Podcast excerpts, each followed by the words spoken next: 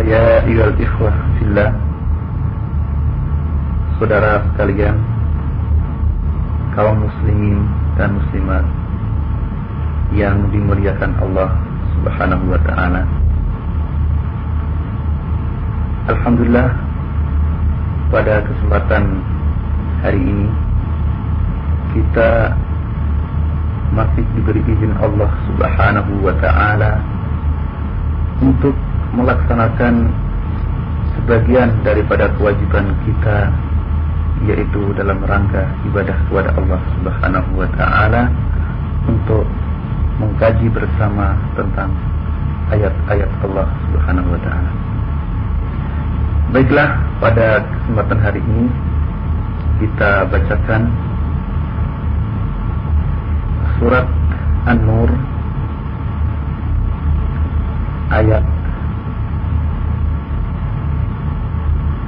30 dan 31 A'udzu billahi minasy syaithanir rajim Bismillahirrahmanirrahim قل للمؤمنين يغضوا من أبصارهم ويحفظوا فروجهم ذلك أزكى لهم إن الله خبير بما يصنعون وكل المؤمنات يغضبن من أبصارهن ويحفظن فروجهن ولا يبدين زينتهن إلا ما ظهر منها وليضربن بخمرهن على جيوبهن ولا يبدين زينتهن إلا لبعولتهن أو آبائهن أو آباء بعولتهن.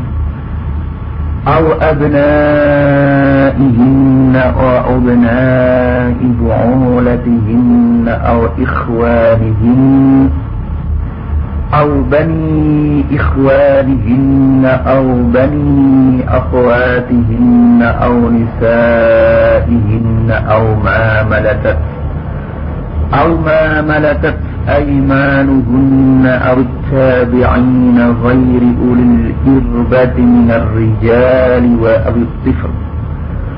من الرجال أو الطفل الذين لم يظهروا على أورات النساء ولا يضربن بأرجلهن ليعلم ما يخفين من زينتهن. وتوبوا إلى الله جميعا أيها المؤمنون لعلكم تفلحون صدق الله العظيم Terjemahannya kurang lebihnya Katakanlah kepada orang laki-laki yang beriman hendaklah mereka menahan pandangannya dan memelihara kemaluannya.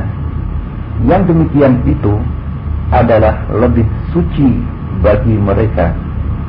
Sesungguhnya Allah Maha mengetahui apa yang mereka perbuat.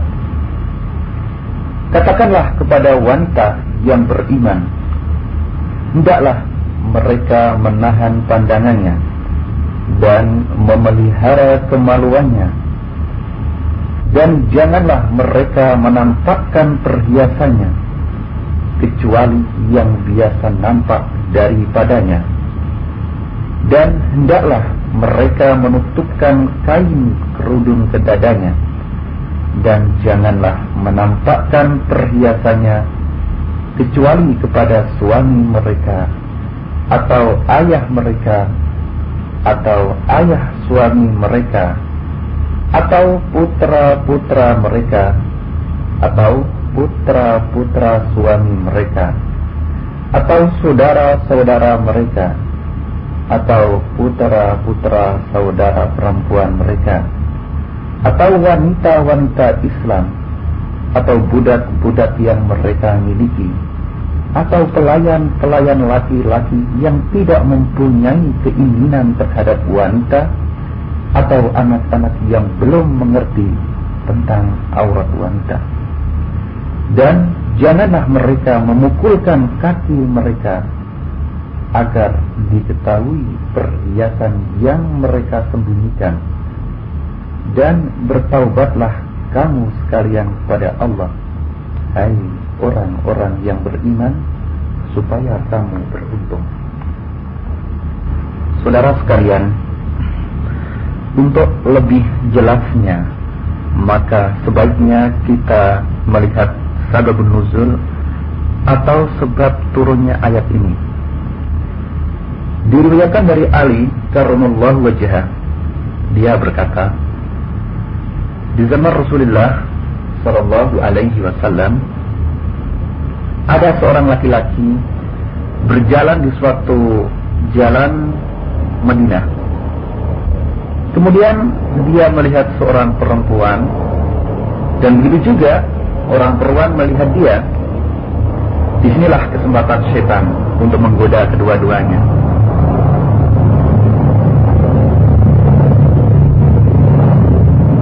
mana di antara mereka saling melihat dan tidaklah menimbulkan apa-apa kecuali mereka saling mengagumi.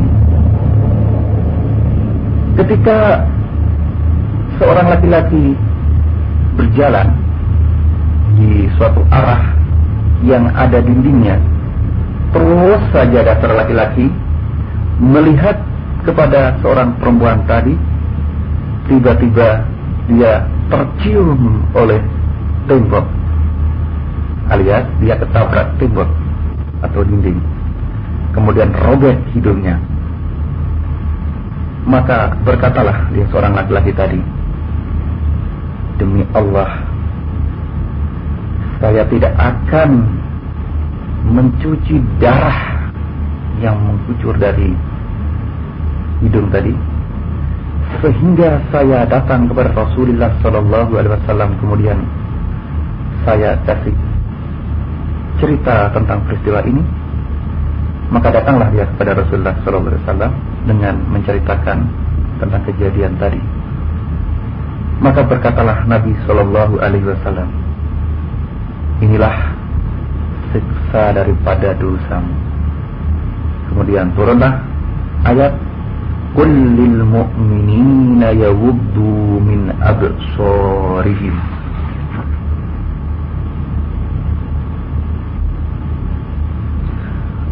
Kul lil mu'minina yaguddu min absarihim.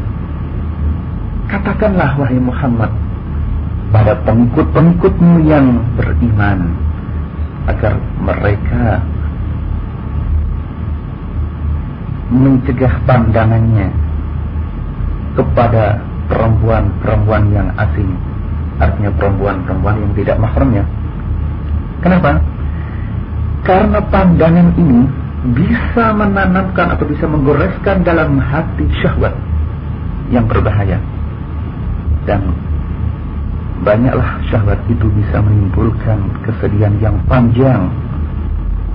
Suatu trauma yang tidak ada henti-hentinya yang ditimbulkan oleh syahwat. Wa yahfadu yaitu jagalah farji-farji mereka dari perbuatan zina. Dan dari juga faktor-faktor yang memulai untuk terjadinya perbuatan yang bejat itu. Karena yang demikian itu adalah bisa menjaga bersihnya hati. Dan lebih suci di dalam mereka beragama. Dan juga lebih mampu menjaga dari perbuatan dosa. Inna Allah khabirun bima yasna'un. Ini Allah subhanahu wa ta'ala selalu bersama mereka dan bijaksana tahu perbuatan mereka dan selalu melihat perbuatan-perbuatan mereka. Allah tidak samar terhadap perbuatan-perbuatan dan kelakuan mereka. Karena Allah mempunyai sifat yang demikian itu, maka sewajarnya kalau kita sebagai orang mukmin harus senantiasa takwa kepada Allah Subhanahu wa taala dalam kondisi apa saja. Baik dalam kondisi yang sepi atau dalam kondisi yang samar. Al-Imam Fakhrul Razi dalam kitabnya At-Tafsir Al-Kabir mengatakan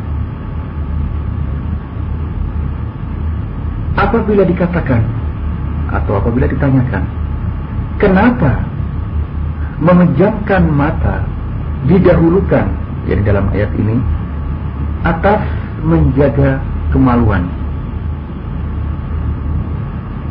maka kami berkata ini maksudnya sini adalah Imam Fakhr Razi karena melihat itu adalah merupakan pos daripada zina merupakan lantaran daripada zina jadi manusia dengan sering melihat perempuan-perempuan bukan mahramnya, perempuan-perempuan asing, maka penglihatan inilah akan menuju perbuatan zina.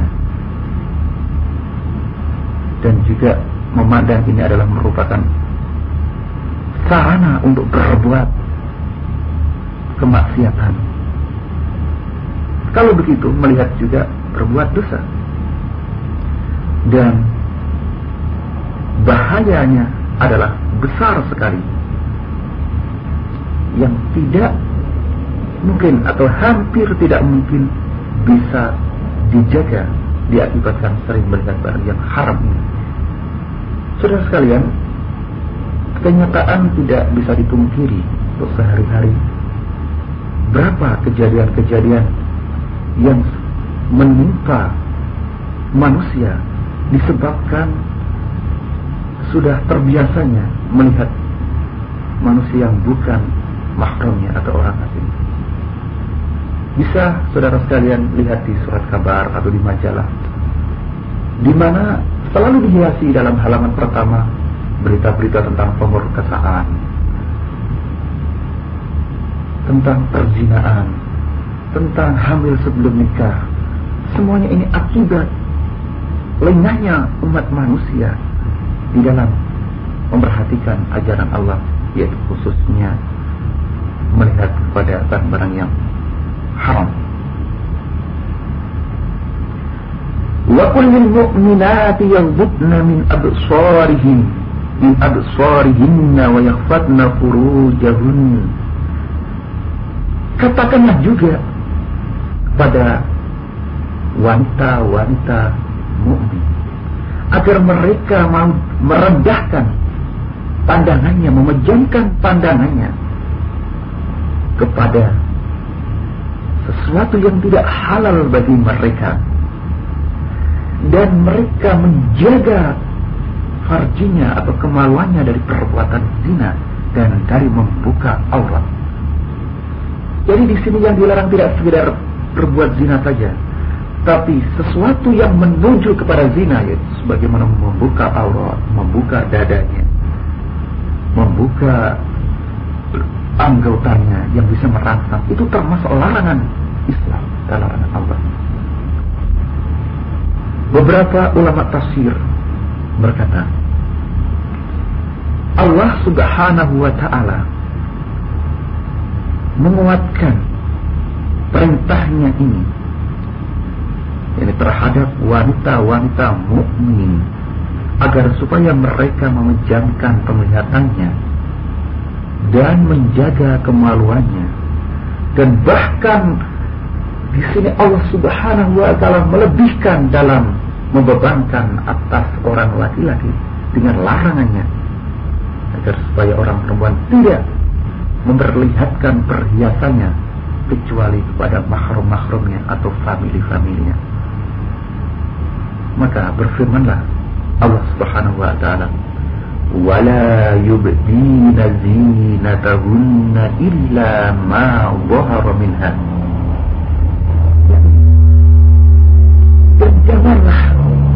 mereka wanita-wanita mukmin ini sampai membukakan, memperlihatkan perhiasannya kepada orang-orang lain, kecuali apa yang sudah terbiasa kelihatan darinya.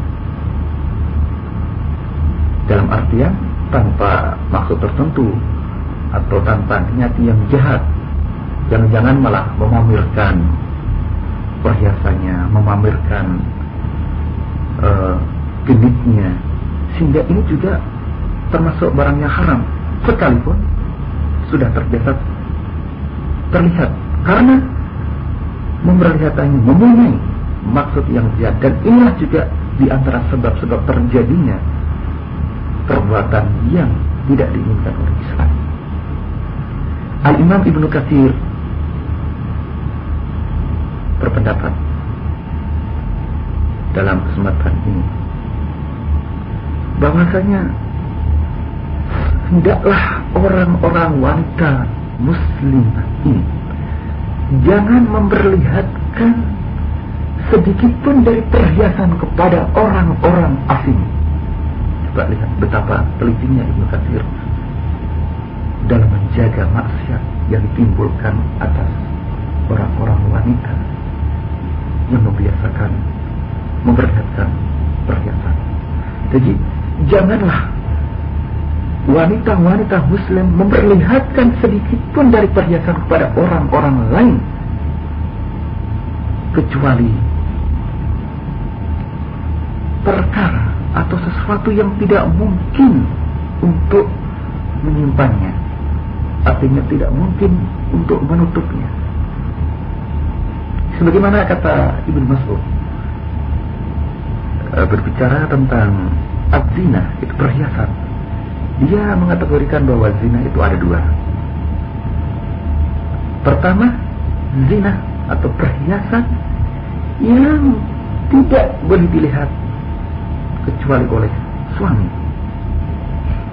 yaitu perhiasan yang berupa cincin dan kalung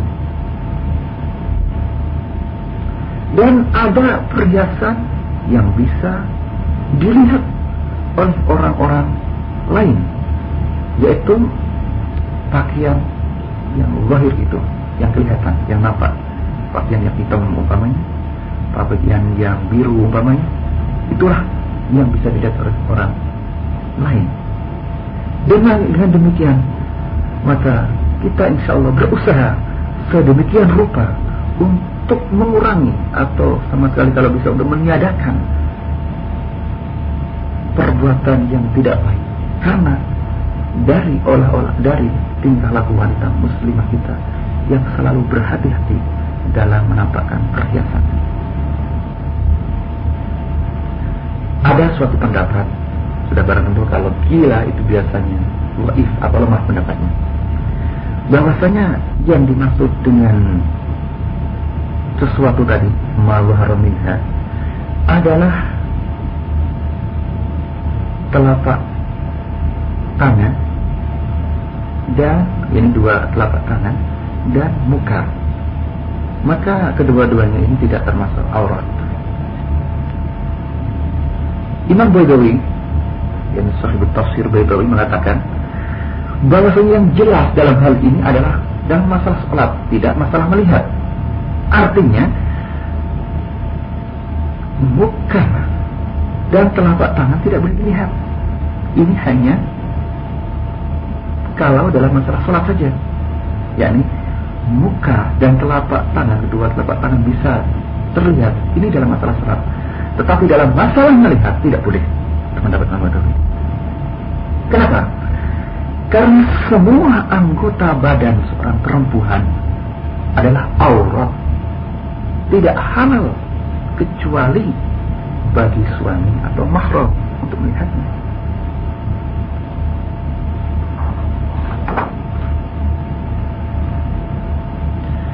Hal yang demikian itu ada terkecualinya yaitu dalam hal-hal yang sifatnya darurat.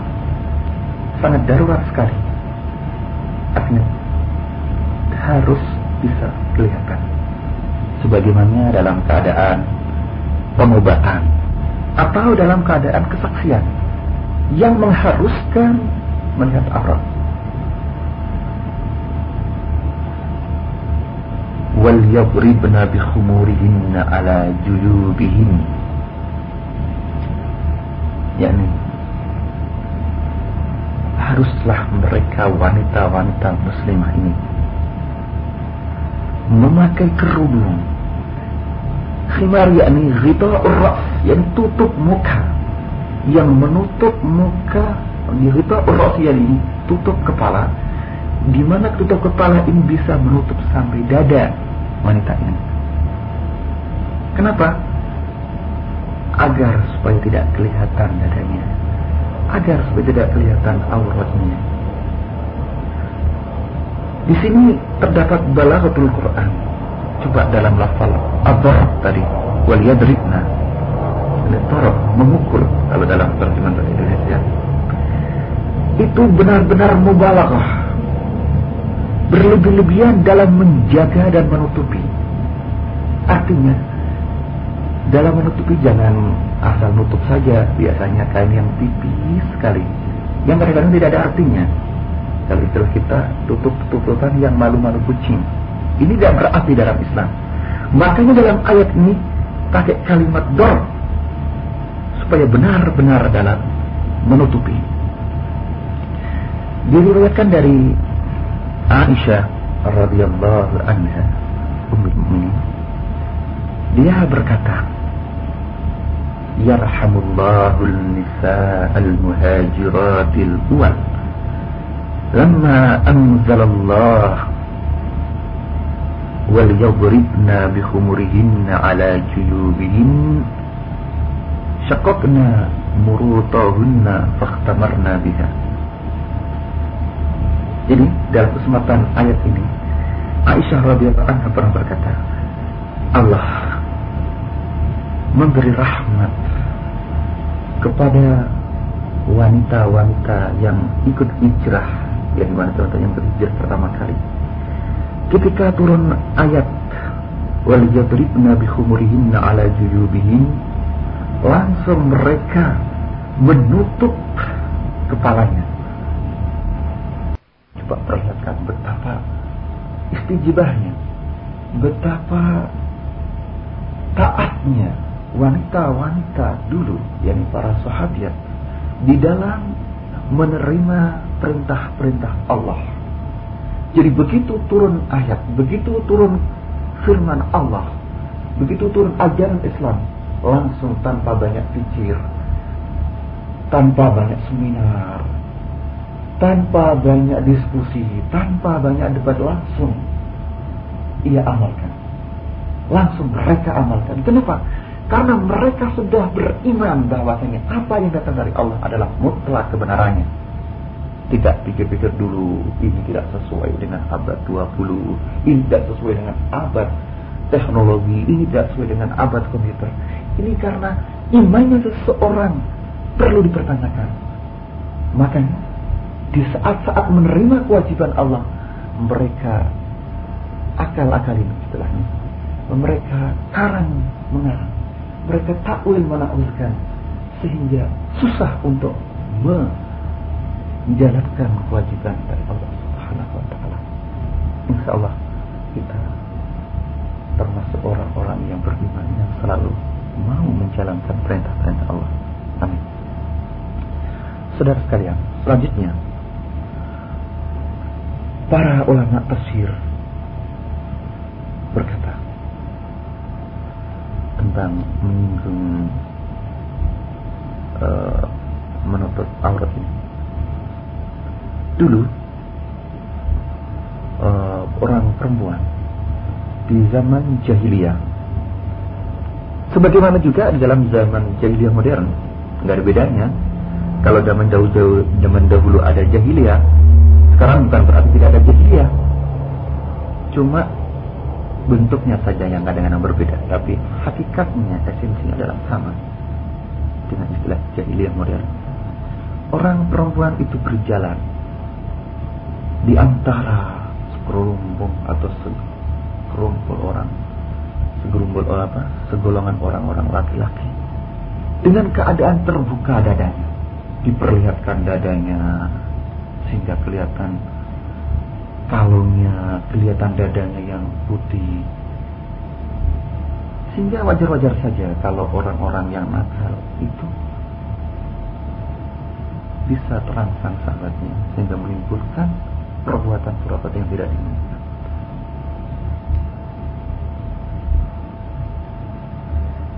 Dan barangkali dalam kesempatan lain malah seorang perempuan di zaman jahiliyah baik itu jahiliyah yang zaman kuno atau jahiliyah modern menampakkan sebagian tubuh. Dan sebagian tubuhnya apakah kakinya kadang-kadang malah di atas dengkulnya itu kurang ajarnya maka wajar-wajar saja kalau terjadi pemerkosaan terjadi perzinaan diakibatkan salah dalam menutup aurat.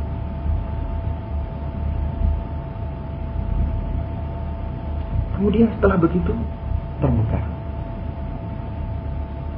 dadanya tadi dengan keadaan telanjang. Kalau tidak telanjang bulat, yang telanjang itu auratnya kelihatan. Maka diperintahlah dalam kondisi demikian diperintah orang-orang mukmin wanita wanita muslimah supaya menutup auratnya dari bawah sampai atas sehingga dengan pola penutupan aurat yang sedemikian rupa ini bisa menjaga daripada perbuatan-perbuatan jahat Selanjutnya firman Allah, "Wala yubdina zinatahunna illa li bu'ulatihinna."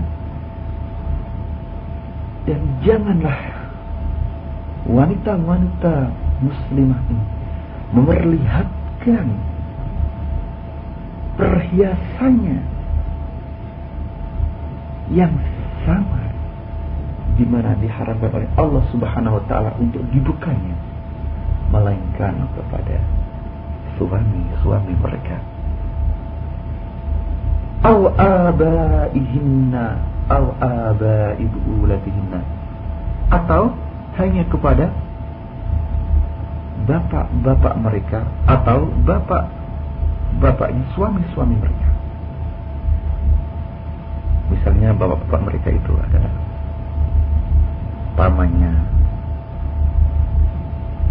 ini bapaknya suami artinya mertua. Kalau dalam bahasa Arab disebut al-an. Maka sesungguhnya kedua-duanya ini kita ulangi lagi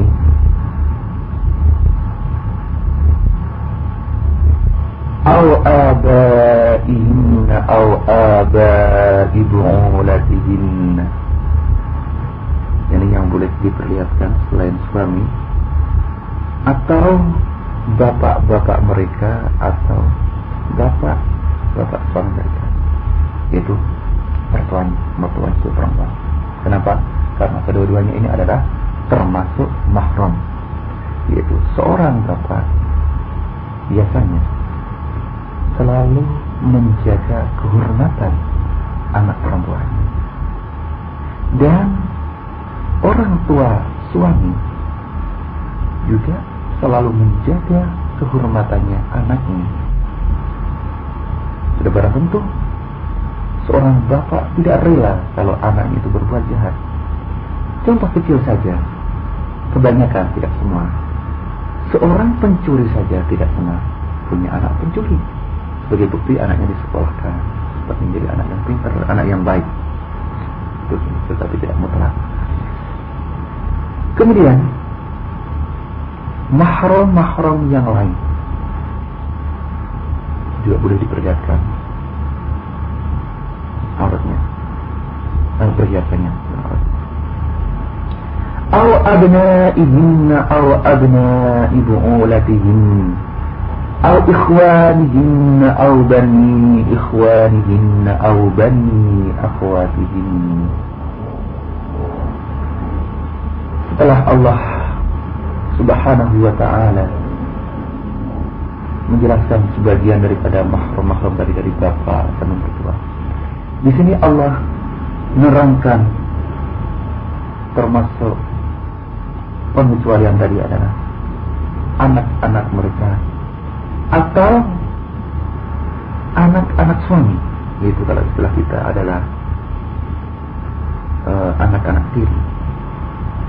Wal ikhwah dan saudara-saudara. Dan juga saudara anaknya saudara-saudara itu ponakan. Begitu juga anaknya saudari-saudari atau anaknya saudara perempuan kita juga keponakan semuanya ini adalah termasuk mahram di mana mereka ini haram untuk mengawini. Artinya tidak boleh kawin disebut mahram Kenapa? Karena Allah Subhanahu wa taala telah memastikan atau telah menentukan dalam wataknya manusia itu tidak senang kawin dengan familinya yang dekat itu ponakannya dengan ibunya dengan uh, adiknya ini adalah sudah merupakan tabiat yang datang dari Allah Subhanahu wa taala. Jadi kalau sementara ada seseorang yang senang kawin dengan familinya, artinya dengan famili yang mahramnya, seperti yang kita dengar di masyarakat barat, namanya di dunia barat, orang ketakutan kawin dengan orang lain karena penyakit aib sehingga ada yang kawin dengan anaknya. Nah, ini sudah hilang lagi sifat manusiawinya lagi. Maka tak ubahnya sebagaimana hewan atau kalau dalam istilah Al-Quran mereka lebih sesat daripada hewan. Berlari pada ayat ini, al nisaihinna. Yang dimaksud nisaihinna di sini adalah perempuan-perempuan yang muslimah, wanita-wanita muslimah. Maka dengan istilah al-muslimat ini, wanita-wanita kafir tidak termasuk. Artinya harus hati-hati di atas akhwat-akhwat kita sekalian, saudara wanita-wanita muslimah kita, harus berhati-hati saat bergaul dengan wanita-wanita yang kafir. Jangan disamakan dengan wanita-wanita yang muslimah. Mujahid berkata, yang dimaksud perempuan-perempuan di sini dalam ayat ini adalah wanita-wanita yang muslimah. Jadi tidak wanita-wanita yang musyrik. Maka dengan demikian tidak halal tidak diperbolehkan bagi seorang muslimah, seorang wanita muslimah terbuka auratnya di hadapan perempuan-perempuan yang kafir. Begitu juga Ibnu Abbas berkata, mereka ini yang dimaksud dalam ayat Nisa Inna tadi adalah wanita-wanita muslim jadi mereka ini tidak boleh memperlihatkan perhiasannya di hadapan wanita Yahudi umpamanya atau wanita Nasrani umpamanya atau wanita yang tidak punya agama sama sekali lebih jelas lagi. Artinya wanita-wanita kafir yang bukan ahli kitab. Orang itu komunis atau yang lain-lainnya. Alma manakat aimanuhunna yakni budak-budak perempuan di sini. Jadi bukan semua budak. Tadi terjemahkan budak-budak, tapi yang dimaksud di sini adalah budak-budak perempuan. Jadi, lain antara budak laki-laki dan budak perempuan. Yang termasuk pengecualian dalam ayat ini adalah budak-budak yang musyrikah artinya perempuan. Ibnu Jarir berpendapat dalam ayat ini. Yang dimaksudkan dalam ayat ma malakat aimanuhun adalah dari perempuan-perempuan yang musyrik maka diperbolehkan bagi seorang perempuan atau wanita muslimah untuk memperlihatkan perhiasannya kepada sekalipun tentu dia musyrik. Sekalipun dia adalah kafir. Kenapa? Karena dia adalah budaknya atau amahnya. التابعين غير أولي الإرباب من الرجال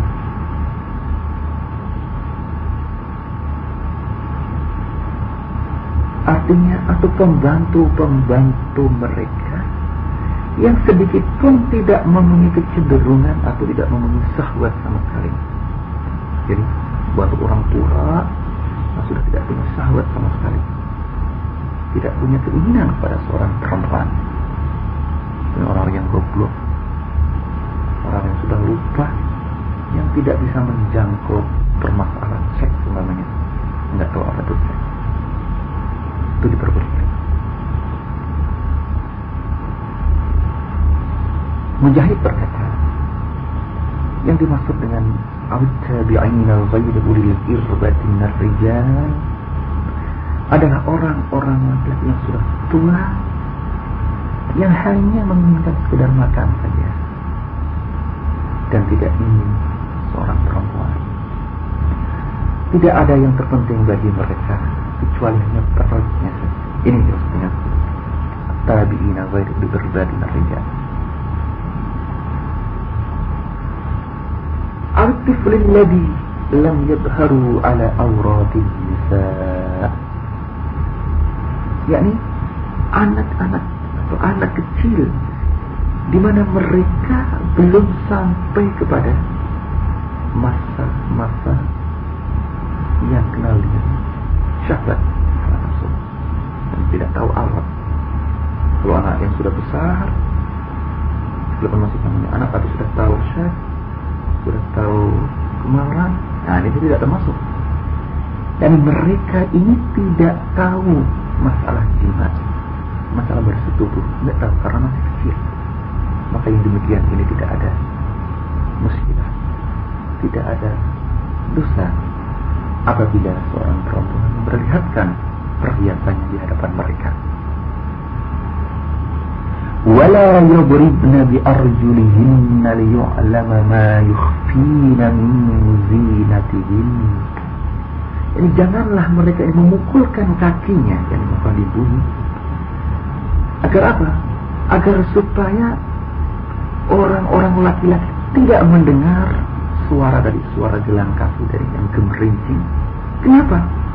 Kalau kedengaran biasa, nanti akan muncul dalam hatinya penyakit hawa nafsu sehingga timbul keinginan sumber sehingga timbul bayangan-bayangan yang bejat diakibatkan seorang perempuan yang memukul-mukulkan kakinya ini dari yang bilang apa yang ada gelangnya sehingga kedengaran. Ini zaman dulu terjadi uh, orang perempuan biasanya memakai gelang di kakinya sehingga biasa memamerkan perhiasan ini dan sekaligus memamerkan auratnya kepada halayak ramai maka di sini terjadi penyakit yang muncul di hati seorang laki-laki yang mengakibatkan perbuatan yang kalau dulu barangkali ya pakai gelang di kakinya, sekarang bukan tidak ada lagi, artinya tidak tertutup kemungkinan wanita-wanita memamerkan sebagian anggotanya baik kakinya atau bahkan naudzubillah di atas dengkulnya ini adalah merupakan bahaya yang besar sekali bahkan sebagian ulama mengatakan wanita-wanita yang bejat, yang senang memperlihatkan auratnya adalah merupakan penyakit yang berbahaya, merupakan malapetaka yang berbahaya bagi pemuda-pemuda muslim. Kenapa? Karena mereka ini mematikan ifahnya syabab. Mematikan ketakwaannya pemuda kita. Sehingga pemuda yang seharusnya butuh iffah, butuh menjaga daripada kemaksiatan, tapi gara-gara perempuan yang bejat, maka wah, seorang pemuda ini terbawa oleh maksiat. Maka inilah penyakit yang menimpa umat Islam baik dulu atau sekarang. Sehingga kalau Islam, kalau kita ini butuh pemuda-pemuda Islam yang mau berdakwah di dalam jalan Allah, mau mengetengahkan ajaran-ajaran Islam, tapi sementara pemuda-pemuda kita teracuni oleh kebudayaan-kebudayaan yang berbahaya, oleh kebiasaan-kebiasaan yang memamerkan Allah, sehingga pemuda kita lemah bahwa dan artinya lemah jiwanya sehingga mudah terjalin syahwat. Maka saudara sekalian kaum muslim dan muslimat yang berbahagia yang dimiliki Allah Subhanahu wa taala. Waspadalah kita dalam menjaga aurat kita sehingga dengan kewajiban yang sedemikian rupa kita ini kita akan ikut andil dalam memperjuangkan agama Allah dalam membina anak-anak kita membina generasi muda kita sebagai insan muslim yang al-kamil yang sempurna dan pada gilirannya akan terciptalah manusia yang berakhlak manusia yang terhormat lahir dan batin.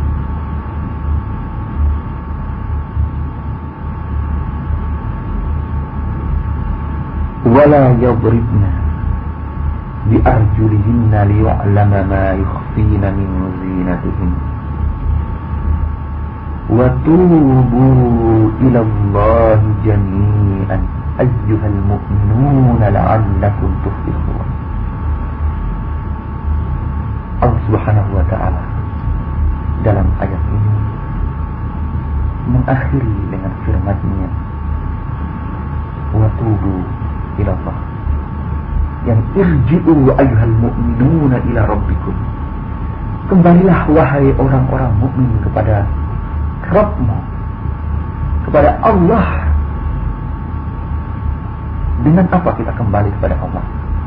Sudah terang tentu dengan melaksanakan kewajiban-kewajiban. Dengan taat kepada Allah dan menjauhi dari syahwat. Jadi kalau dalam ayat tadi dari awal membicarakan masalah betapa bahayanya syahwat itu di dalam masyarakat sehingga malah katakannya tapi sekarang kita rasakan. Maka Allah subhanahu wa ta'ala selalu mengingatkan orang-orang beriman supaya agar selalu mau kembali kepada Allah dalam kondisi apa saja karena hal yang demikian itu akan menjauhkan daripada syahwat akan menjauhkan dari perbuatan yang mungkar dan pada gilirannya akan memperoleh ridho Allah Subhanahu wa taala. Dan pada gilirannya pula akan mendapatkan kebahagiaan yang sebenarnya yaitu kebahagiaan dunia dan akhirat. Maka pengajian pada kesempatan hari ini kita tutup dengan doa supaya kita selalu mendapatkan kebahagiaan dunia dan di akhirat dan kebahagiaan itu akan bisa kita peroleh kalau kita mau bertakwa kepada Allah, mau menjalani kewajiban-kewajiban Allah dan mau menjauhkan dari larangan-larangannya. أقول قولي هذا وأستغفر الله لي ولكم ولجميع المسلمين والمسلمات من كل ذنب. أستغفروا إنه هو الغفور الرحيم. السلام عليكم ورحمة الله وبركاته. تسجيلات خالد بن الوليد الإسلامية السلي شارع هارون الرشيد الرياض هاتف اثنان أربعة واحد صفر ستة واحد خمسة. فاكس اثنان أربعة واحد صفر خمسة تسعة خمسة. خالد بن وليد إسلاميك ريكوردينج السلي هارون الرشيد ستريت تليفون نمبر